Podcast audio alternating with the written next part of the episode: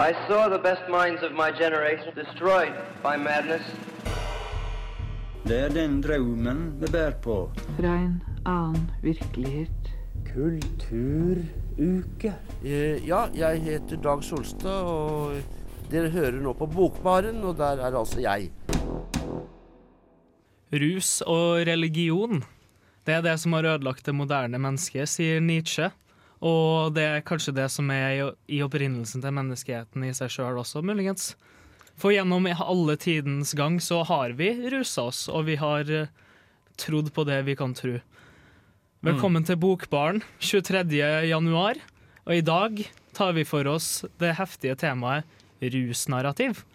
I studio så har jeg som alltid med meg Ecstasy-Emma, Hei. Joint-Johannes Hallo. Og Speed-Siri. Halla. Jeg fant ikke ut noe på T, så jeg får bare bli Truls. Men ja, uansett. Hvordan går det med dere? Ja, det går veldig fint med meg, i hvert fall.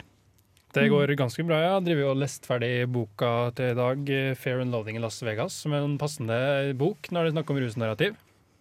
Det går fint med meg òg. Speed Siri. Det går kjapt om dagen. Ja. Ja, rett og slett. rett og slett. Ja, Vi har jo da valgt som sagt å ta for oss eh, temaet rus, som er det så svært og mye å snakke om og slike ting. Og da har vi valgt eh, litt forskjellige bøker. har vi.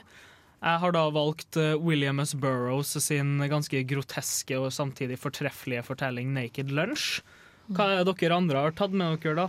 Nei, som han Johannes sier, så har både jeg og han lest 'Fear 'Fair and Loading in Las Vegas' av Hunter S. Thompson. Mm. Jeg har eh, lest eh, en bok jeg har egentlig gleda meg til å lese en stund, som kom i 2016. Kenneth Moe sin vanskelige andre bok. Og det løste den egentlig jævla greit ved å bare ta og fleins opp og så skrive om det etterpå. Så det, det åpenbare, den har jeg med meg. Ja. Hun fikk sikkert ikke til å skrive noe, så bare Jo, du, eh, vent og hør, altså, Johannes. Dette er Ja, da ja, men Ja. ikke før. den tenker sånn, hva skal jeg gjøre for å få til Ja, ja. Ja, det er min eh, teori òg, Ja, faktisk. ja. Yes, yes. Men før vi våger oss ut på det her territoriumet, så skal vi da starte denne her ruskavalkaden med vår velvalgte sang. Det her er The Velvet Underground med I'm Waiting for the Man. Ja da, vi er fortsatt Bokbarn, og vi har fortsatt om uh, rusnarrativ. Og det er jo et, eh, som sagt et veldig omspennende tema, og et ganske merkelig tema. Men hvorfor, hvorfor ha, er, har det fått det ryktet på seg, kan man da spørre. Har, har vi noen tanker om det? Altså Rykte du mener uh... Nei, at det er rett og slett eh, tabubelagt, men samtidig kanskje mindre tabubelagt enn andre tabubelagte ting. Det er jo eh, også en veldig omfattende setning, men uh... Jeg tenker litt sånn, eller spør litt sånn, Hvorfor er vi så opptatt av det? Hvorfor er det så viktig i populærkulturen? Ja. Hvorfor i liksom, både rockemusikk og film og bøker og sånn? ja, hvorfor er det så omspennende, rett og slett? Ja. Nei, jeg tenker det har noe med sånn Det er jo liksom noe med mm, Hva heter det? Overskridelse, da. Det er liksom, det er ikke hverdagsliv. Det er liksom idealet til mange som driver og ruser seg. Og, og mye kunst er jo på en måte å overskride denne virkeligheten over til noe annet, ikke det? Jo, jeg tror det er den der formen for eskapisme som, eh, som tiltrekker oss, både ved å teste ut de her rusmidlene som det er snakk om, og ved å oppsøke dem enten gjennom f.eks. historier om rus i eh, litteraturen eller i låter og lignende. Da, de her tingene tinga som på en måte skal minne om å speile en, en rusreise. Da. Så må jeg si, jeg tenker sånn i den ungdomsbevegelsen som oppsto kanskje særlig på 50-60-tallet etter eh, andre verdenskrig, da, så er man jo er rocken sentral, og der er jo liksom uh, idealet om å være rebell òg, da, viktig. Så det at det ikke er lov, det er jo helt tatt veldig sånn uh, spennende og veldig sånn uh, Ja, noe som gjør oss interessert i det. Liksom, ja, det handler om overskridelse. da. Ja, og i historien så har jo mange ting vært uh, forbudt eller eh, lagt i skam på annen måte, så hvorfor, eh, hvorfor eh, det, er så, det er så rart det med rus, tenker jeg, for at det dukker liksom alltid opp. Det er noe som man alltid har drevet med. Så hva tror du, hvorfor tror man at det er tilfellet, egentlig? Nei, men jeg tror at eh, rus er knytta til andre tabubelagte temaer, spesielt eh, sex kanskje, og eh, på en måte eh, utagerende oppførsel. Da. Sånn at eh, man knytter rus til andre ting som òg liksom ikke er lov, da. Ja. Ja, så er det sånn at eh, Rus er jo lov i noen former, sånn som eh, alkohol. Da. Og som du sier, Truls, det har bestandig vært drevet med. Men i et moderne samfunn så er nøkkelen å på en måte kontrollere det sånn at folk ikke, altså at det er passe nivå. da, Sånn som, eh, sånn var Mark som sa det med opium for folket, ikke det? Så han, han sa det til religion folkets opium. Da, men sånn, poenget er at folket må ha noe opium. Man må liksom kanskje Du kan ikke ta fra folk alt, men hvis, hvis man hadde gjort all rus og all narkotika lovlig igjen, så hadde jo da ikke blitt gjort noen ting. da Folk bare dassa rundt og rusa seg, tror jeg. Ja, for det Grunn, altså grunnen til at det har vært populært Jeg leste på nett i stad at det, de begynte å ta kokain for 2000 år siden. Og jeg tenker at det, Du kan jo knytte det opp mot oraklets mantra. da, Know thyself. At det, rusen, eller i hvert fall tanken om rusen, da, rusutopien, er at det, det kommer til å åpne opp så du, slik at det, du får nye perspektiver, nye innfallsvinkler, både til verden rundt deg, men òg til deg sjæl. At du lærer deg sjæl å kjenne på et enda djupere innsiktsnivå du ikke kan nå på noen annen måte enn ved å ruse deg. da. Så det er derfor rusnarrativ da, spesielt kanskje har vært veldig interessant, fordi på samme måte som rus, på en måte, men på en mer lovlig måte, så åpner det også en slags annen da, virkelighet gjennom hva man kan oppleve, eller? Ja. Ja, det gjør jo det. Jeg bare tenker på, Apropos det Siri sa, så er liksom når, når eh, det dagens liksom, ruslovgivning ble eh, skapt da, det, Jeg vet ikke helt om det her er sånn eh, helt vitenskapelig legit, jeg, men jeg, tror, jeg hørte at det ble liksom bestemt etter andre verdenskrig, i og med at det kom veldig mye stoffer og sånn, og at det amerikanske militæret blant annet testa sånn type ting som LSD og sånn, for å se hvordan hvordan soldatene responderte på det. Og at i dag, da, så i Amerika, som var 50-tallets Amerika, så var man ganske sånn Hva skal man si? Ganske, ikke så åpen og liberal på akkurat ruspolitikk, da, så at den standarden ble satt veldig lavt. da. Sånn at, nå, sånn at uh, det er på en måte hva er fors- Sånn som uh, kanskje folk som er glad i f.eks. hasj ofte sier, hva er forskjellen på hasj og alkohol? Ja, er, det egentlig noe, er det egentlig noen stor forskjell på det? Det er jo bare at uh, lovverket har blitt sånn at noe er lov og noe ikke, tenker jeg. Mm. En ting som i hvert fall gjør deg veldig spesiell, er jo heroin. Og vi skal nå få høre en eh, beretning etterpå om tankene rundt eh, Naked Lunch her. Men først så skal vi da høre Rodriguez med Sugarman.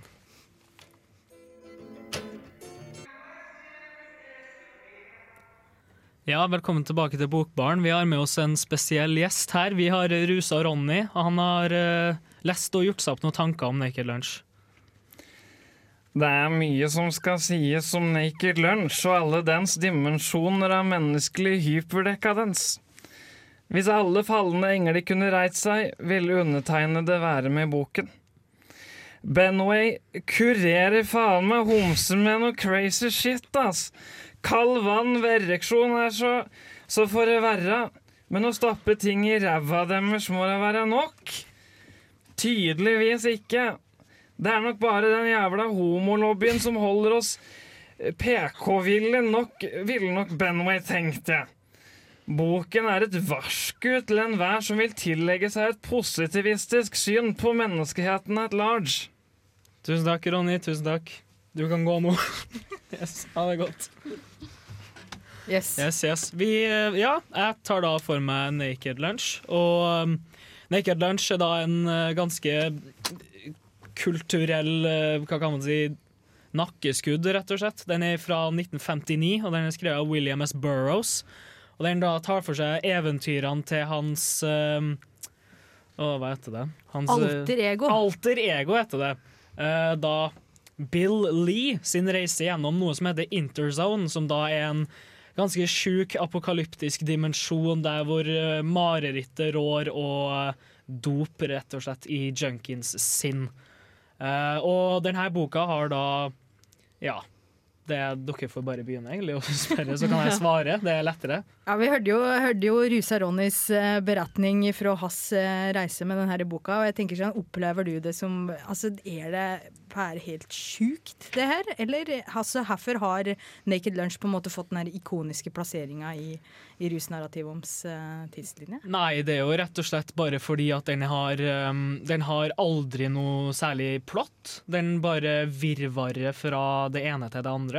Slik som Man kan, man kan se på det som en slags Hvis du tar Joyce sine mest stream of consciousness-øyeblikk, og du får en junkie til å lage den samme typen passasje, så tror jeg nok resultatet ville nok vært noe av det samme. Um, når du da i tillegg legger til kannibalisme, barnevoldtekt, ehm, drap, og han her er da dr. Benway, som Rusa Ronny nevnte, som eh, snakker om at han kan gjøre absolutt alt på det mest sånn sadistiske Josef Mengele ville vært stolt-måtene, da. Så herregud, det er en vanskelig bok å lese, men utrolig fangende på en eller annen rar måte, må jeg si. Men hvordan er rusopplevelsen beskriver da? Hvordan, um, hvordan framstilling er det? Hvordan følelse får man av hva karakterene opplever når de, eh, når de ruser seg, vil du si? Eh, jo da, det, det er jo beskrevet ganske spesifikt av i hvert fall Dr. Benway hvorfor uh, junkies fins, og hvorfor de driver på med det her. Og én ting er jo da selvsagt rastløshet. Og at gjennom det her, så da skal de få huet sitt eksplodert og føle blodet uh, dra gjennom hele systemet i 100 km i timen og rett og slett oppleve nesten en slags lamming av den bakre delen av huet. Og oppleve det fullstendig marerittet og samtidig um, magiske rusen av det. da. Sånn som de i Trainspotting sier. Jeg husker han sier det at uh, å være på heroin er 100 ganger bedre enn den sykeste orgasmen din under sex. Så jeg tror det prøver å gi det samme inntrykket da, en, på en mer fucka måte. Ja, så selv om det er en råhet og liksom litt sånn eh, hva skal man si, sånn beskrivelse av noe lavt, så er det, slags, er det en slags romantisering eller en slags eh, bejubling av fenomenet likevel? Det er det som får meg til å bli litt usikker, fordi den virker ikke på noen måte romantiserende med det at det tar opp så grusomme temaer og lager et så grusomt univers. Men jeg har fått det inntrykket av han Burrows at han egentlig ikke ville finne seg på et annet sted enn det å være skikkelig junkie og det å være skikkelig uh, rusa type. da. Så jeg vet egentlig ikke om jeg kan si om den er romantiserende eller ikke. Men jeg tror heller den bare prøver å skildre realiteten i det. Mm. Altså, Mye av grunnen til at det vi liker å lese det her narrativet om, om rus og kanskje umoraliteter, bestialiteter og folk som trår ganske langt eh, eller eh, på, over, over loven, er jo det her med at vi ikke tar det sjøl. Og derfor syns det er veldig spennende å lese det her litterære utforskning om tådet. da. Men merker, merker du en eller annen eh, effekt på deg, eksempel? Av å lese Naked Lunch, Ja. det. Eh, jeg føler jo at eh, bare hjertet mitt blir revet ut av kroppen min. Det litterære, liksom, hjertet mitt som er vant til mer normal litteratur, blir bare revet ut av brystet mitt og putta inn igjen og sydd igjen på en ganske Frankenstein-måte. Det er jo nesten Jeg føler meg nesten mishandla når jeg leser det, fordi det er så bare fælt å lese. Men mye bedre skrevet enn Gauposta, eksempel. Så ikke så grusom likevel. Jeg forstår ikke hva det er, men den er unik, rett og slett. Ja, for det vi sa jo at i 2017 så er Gauposta antagelig den fæleste romanen vi har lest. Absolutt. Er Naked Lunch hittil den, Eller tror du kanskje 2018 Naked Lunch blir stående som den Hvis det, hvis det finnes en mer grusom bok i den litterære kanoen de siste 100 årene, så blir jeg veldig overraska. Ja. Yes. Og med det så skal vi ta et blikk på hvilken tilstand man havner i ved da rus. Så det her er Kenny Rogers med 'Just Dropped In'.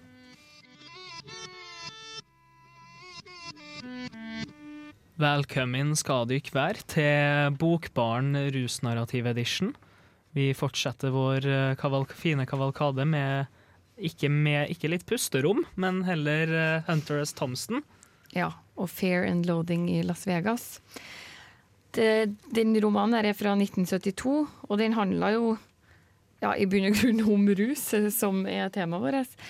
Den handler om to eh, personer som eh, stappa bilen full av dop og alkohol og kjører til Las Vegas eh, under dekke av å skal, eh, skal skrive en sak om et eh, motorsykkelreis. Mm. Eh, men det ender de vel egentlig om å gjøre. Det de ender opp med å gjøre, er å ruse over flere dager. Ja, for Hovedpersonen er jo egentlig journalist, og så har han med seg kompisen sin, eller sånn advokaten sin, advokat og kompis. Så ja, som du sier, det blir jo ikke så mye av det. De skal egentlig dekke et sportsarrangement som er et sånt uh, motorsykkelreis. Som er, går i Las Vegas, men de ender jo egentlig bare opp med å skape trøbbel i hotellobbyen ettersom de hallusiniserer hal, Hva heter det? Hallusiner. Hal, hallusiner, takk. Og, og blir paranoid og gal og frustrert og sint om hverandre og kjefter på folk og kødder med folk og Ja. ordner masse styr, egentlig.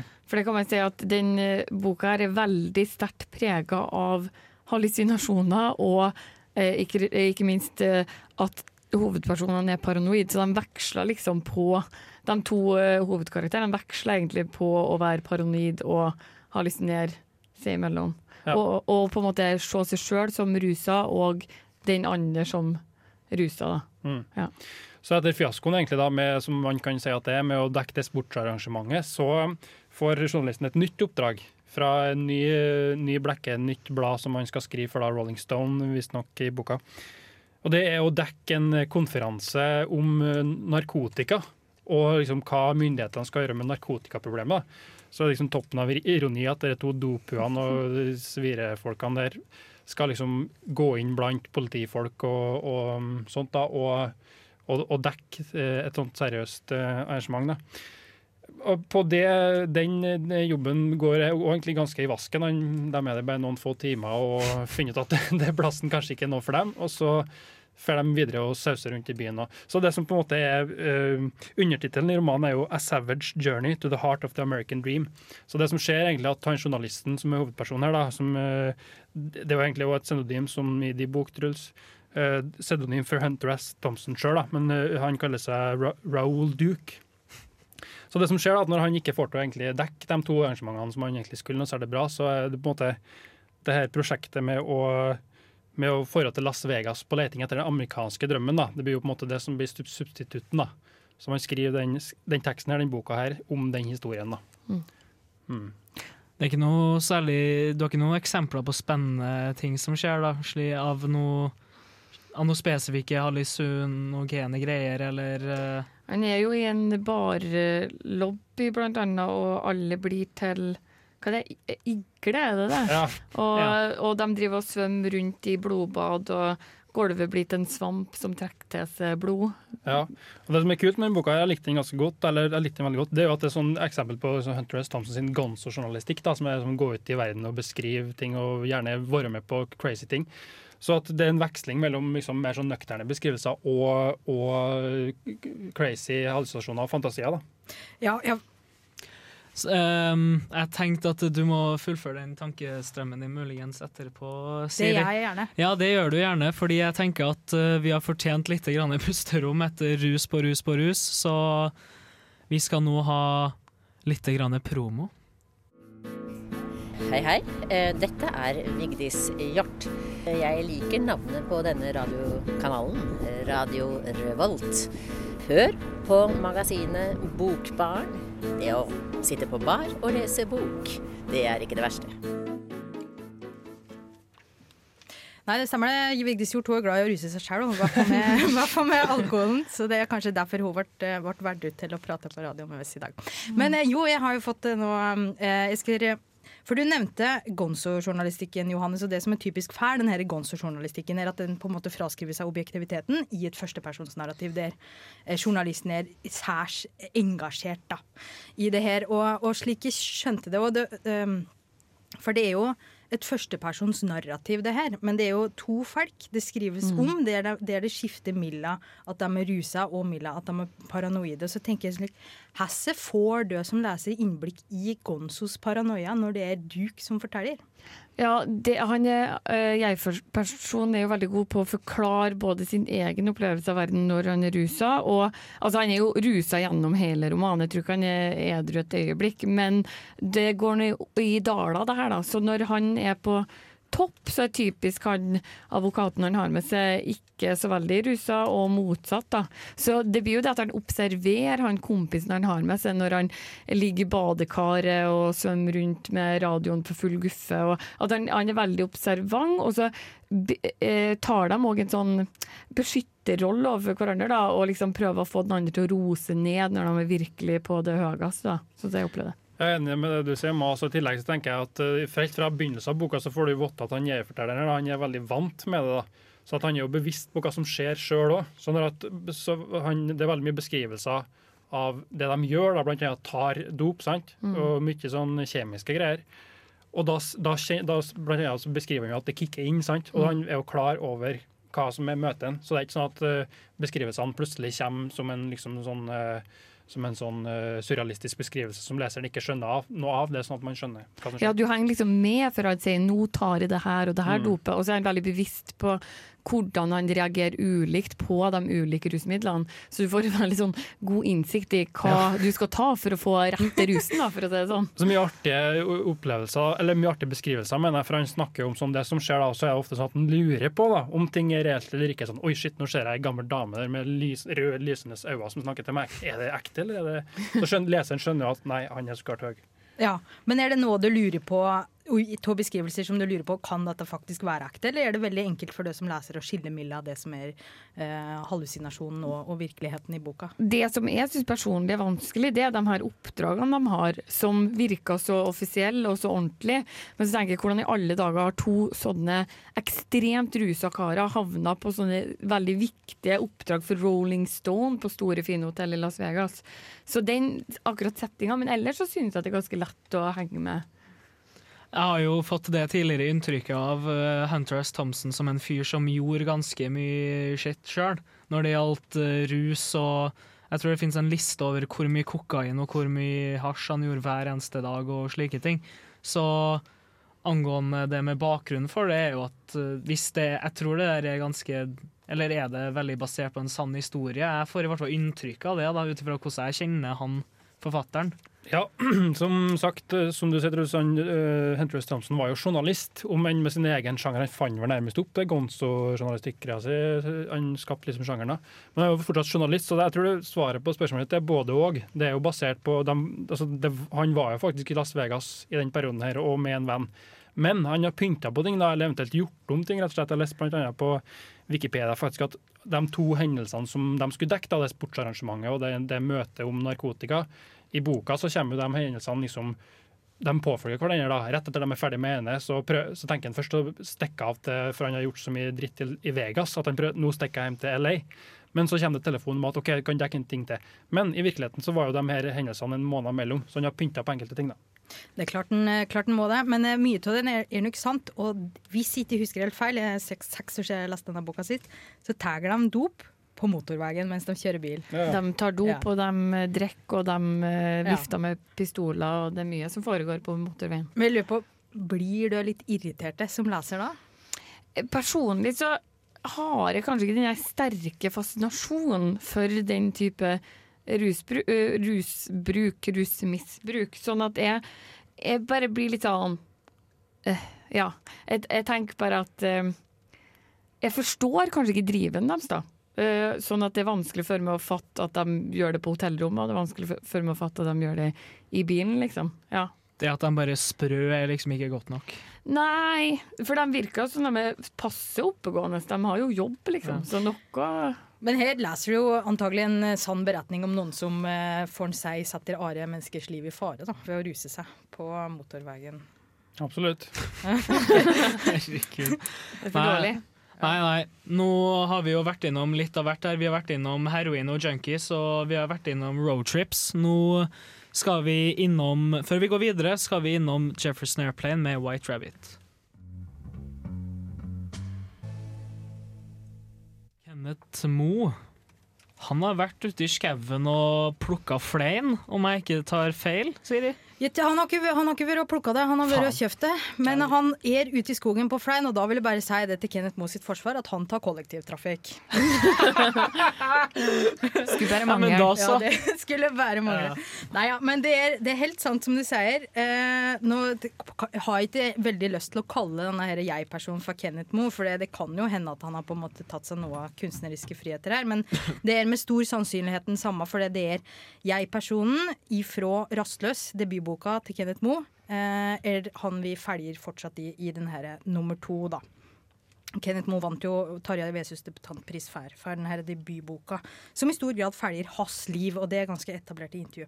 Så det er han vi, han vi følger, følger videre her nå. Eh, er den altså sedd samme lengselen etter noe mer, som du kjenner at er Rastløs, bare at her så på en måte velger han da å dempe denne rastløsheten ved å prøve å ta fleinsopp og skrive om det. Det er det Vaskelappen kaller for en journalført sjæloverskridelse, da. Så romanen er skrevet i et historisk presens med denne distansen til en jeg-forteller som forsøker da å pusle sammen det her om av hukommelsen sin sammen til et narrativ. da. Så det er ispedd nå historier om Are han har prøvd diverse dop og lignende, men i stor grad så følger vi han gjennom denne ene dagen da han har drukket sin kopp med flein. Ok, Så det er ikke bare en slags sånn, eh, hva kan man si, deduktiv analyse uh, av hvordan det er å være på rus, sånn som Elders Huxley f.eks. på LSD? Det er det ikke. Nei, ja, dette er, dette er bare Dette er ikke på en måte noe esistisk eh, tilnærming til det i like, like grad som han er. Skjer det noe spennende da når han, han er på sopp?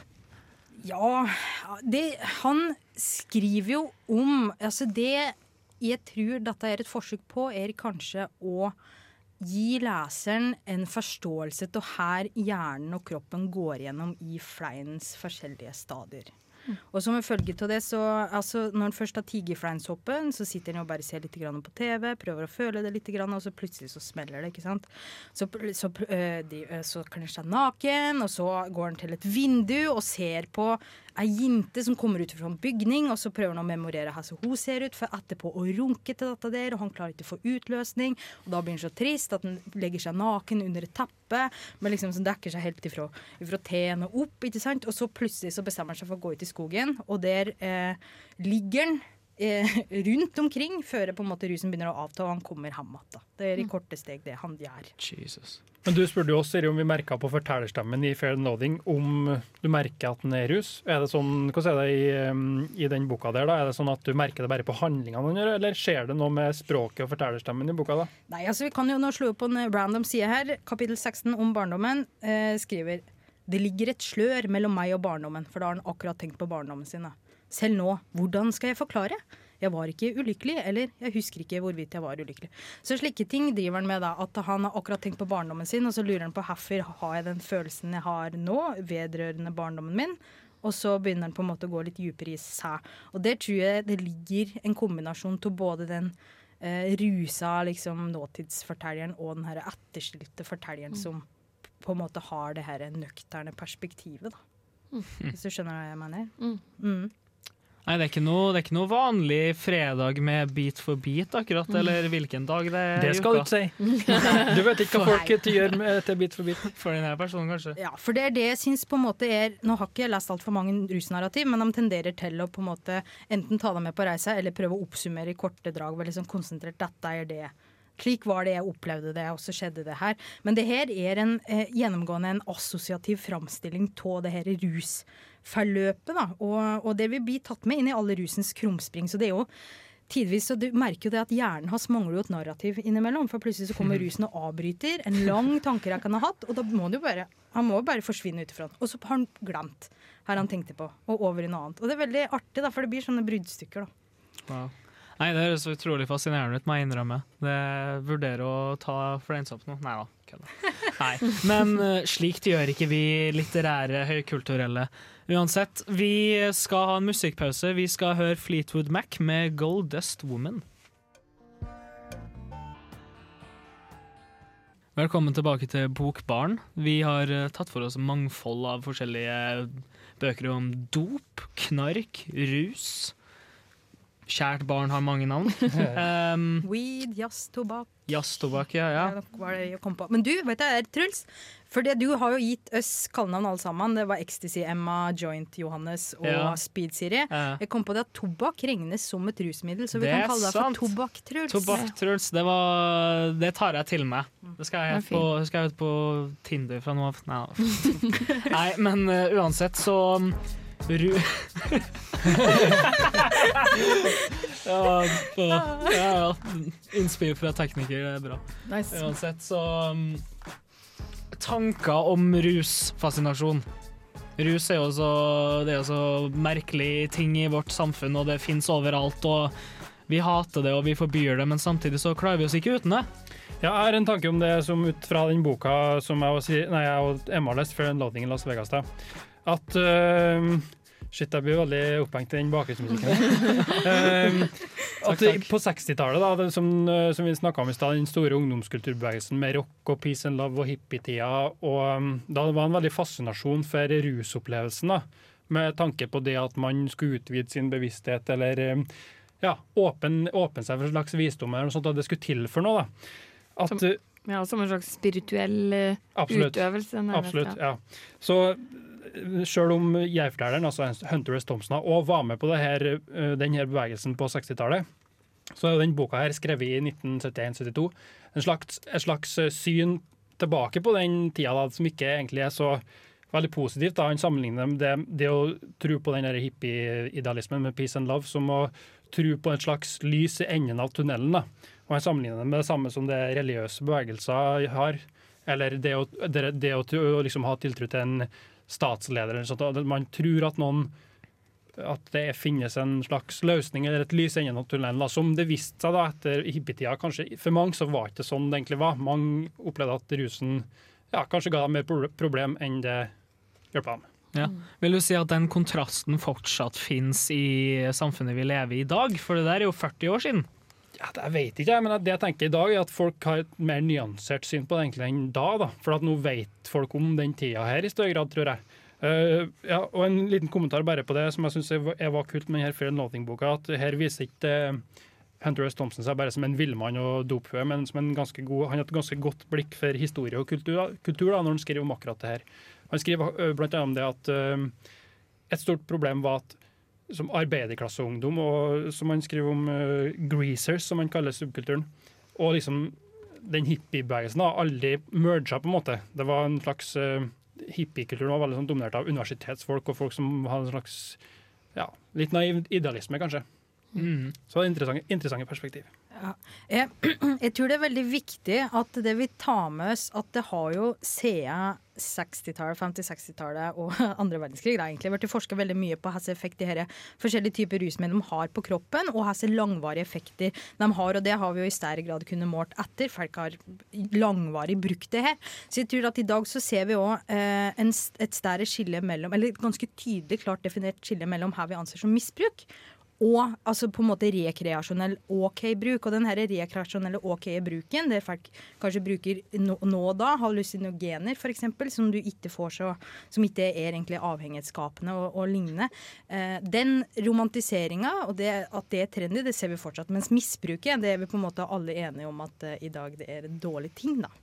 Jeg tror det er også det som er litt interessant med utvalget av bøker vi har, for jeg tror det representerer egentlig ganske bra det, det som kan være innenfor doping-tankegang også. Det derre apokalyptiske synet på det rene helvete som fins i junkie-dimensjonen, rett og slett. Og en journalist som gjør det fordi han er sprø og forteller på en halvnøktern og observant måte, og versus han Kenneth her. Eller ikke nødvendigvis Kenneth, da, men Ja, ja. I hvert fall. jeg, jeget. Jeg iallfall. Vi skal høre 'Lucy in the Sky with Diamonds' av Beatles før vi sier shalabais. Vi må nå dessverre avslutte vår denke dop-prat, og jeg har ikke styring før jeg kom inn i studio, så jeg slenger ordet over til Speed Siri. Speed Siri, ja, for jeg har styring. For jeg tenkte jeg skulle fortelle her vi skal gjøre neste uke i Bokbarn. Og da Ja. får vi, oi, da får vi besøk av Sofie Olaisen fra Bandet Vanner. Og vi skal høre på matte låter der folk har tolket dikt musikalsk, og deretter prate. Vi skal tolke dem, skal vi gjøre. På lufta. Nei, for faen, det her blir jævlig bra. Um, jeg vil i dag Jeg vil takke Emma, Johannes, Siri for å ha vært med meg i dag. Tekniker eh, Tobias for dank musikk. Og vi kjører på med denne grusomme avslutninga, men ja ja, uansett. Ha det bra med et bang shot. Bang shot. har du stakk, eller?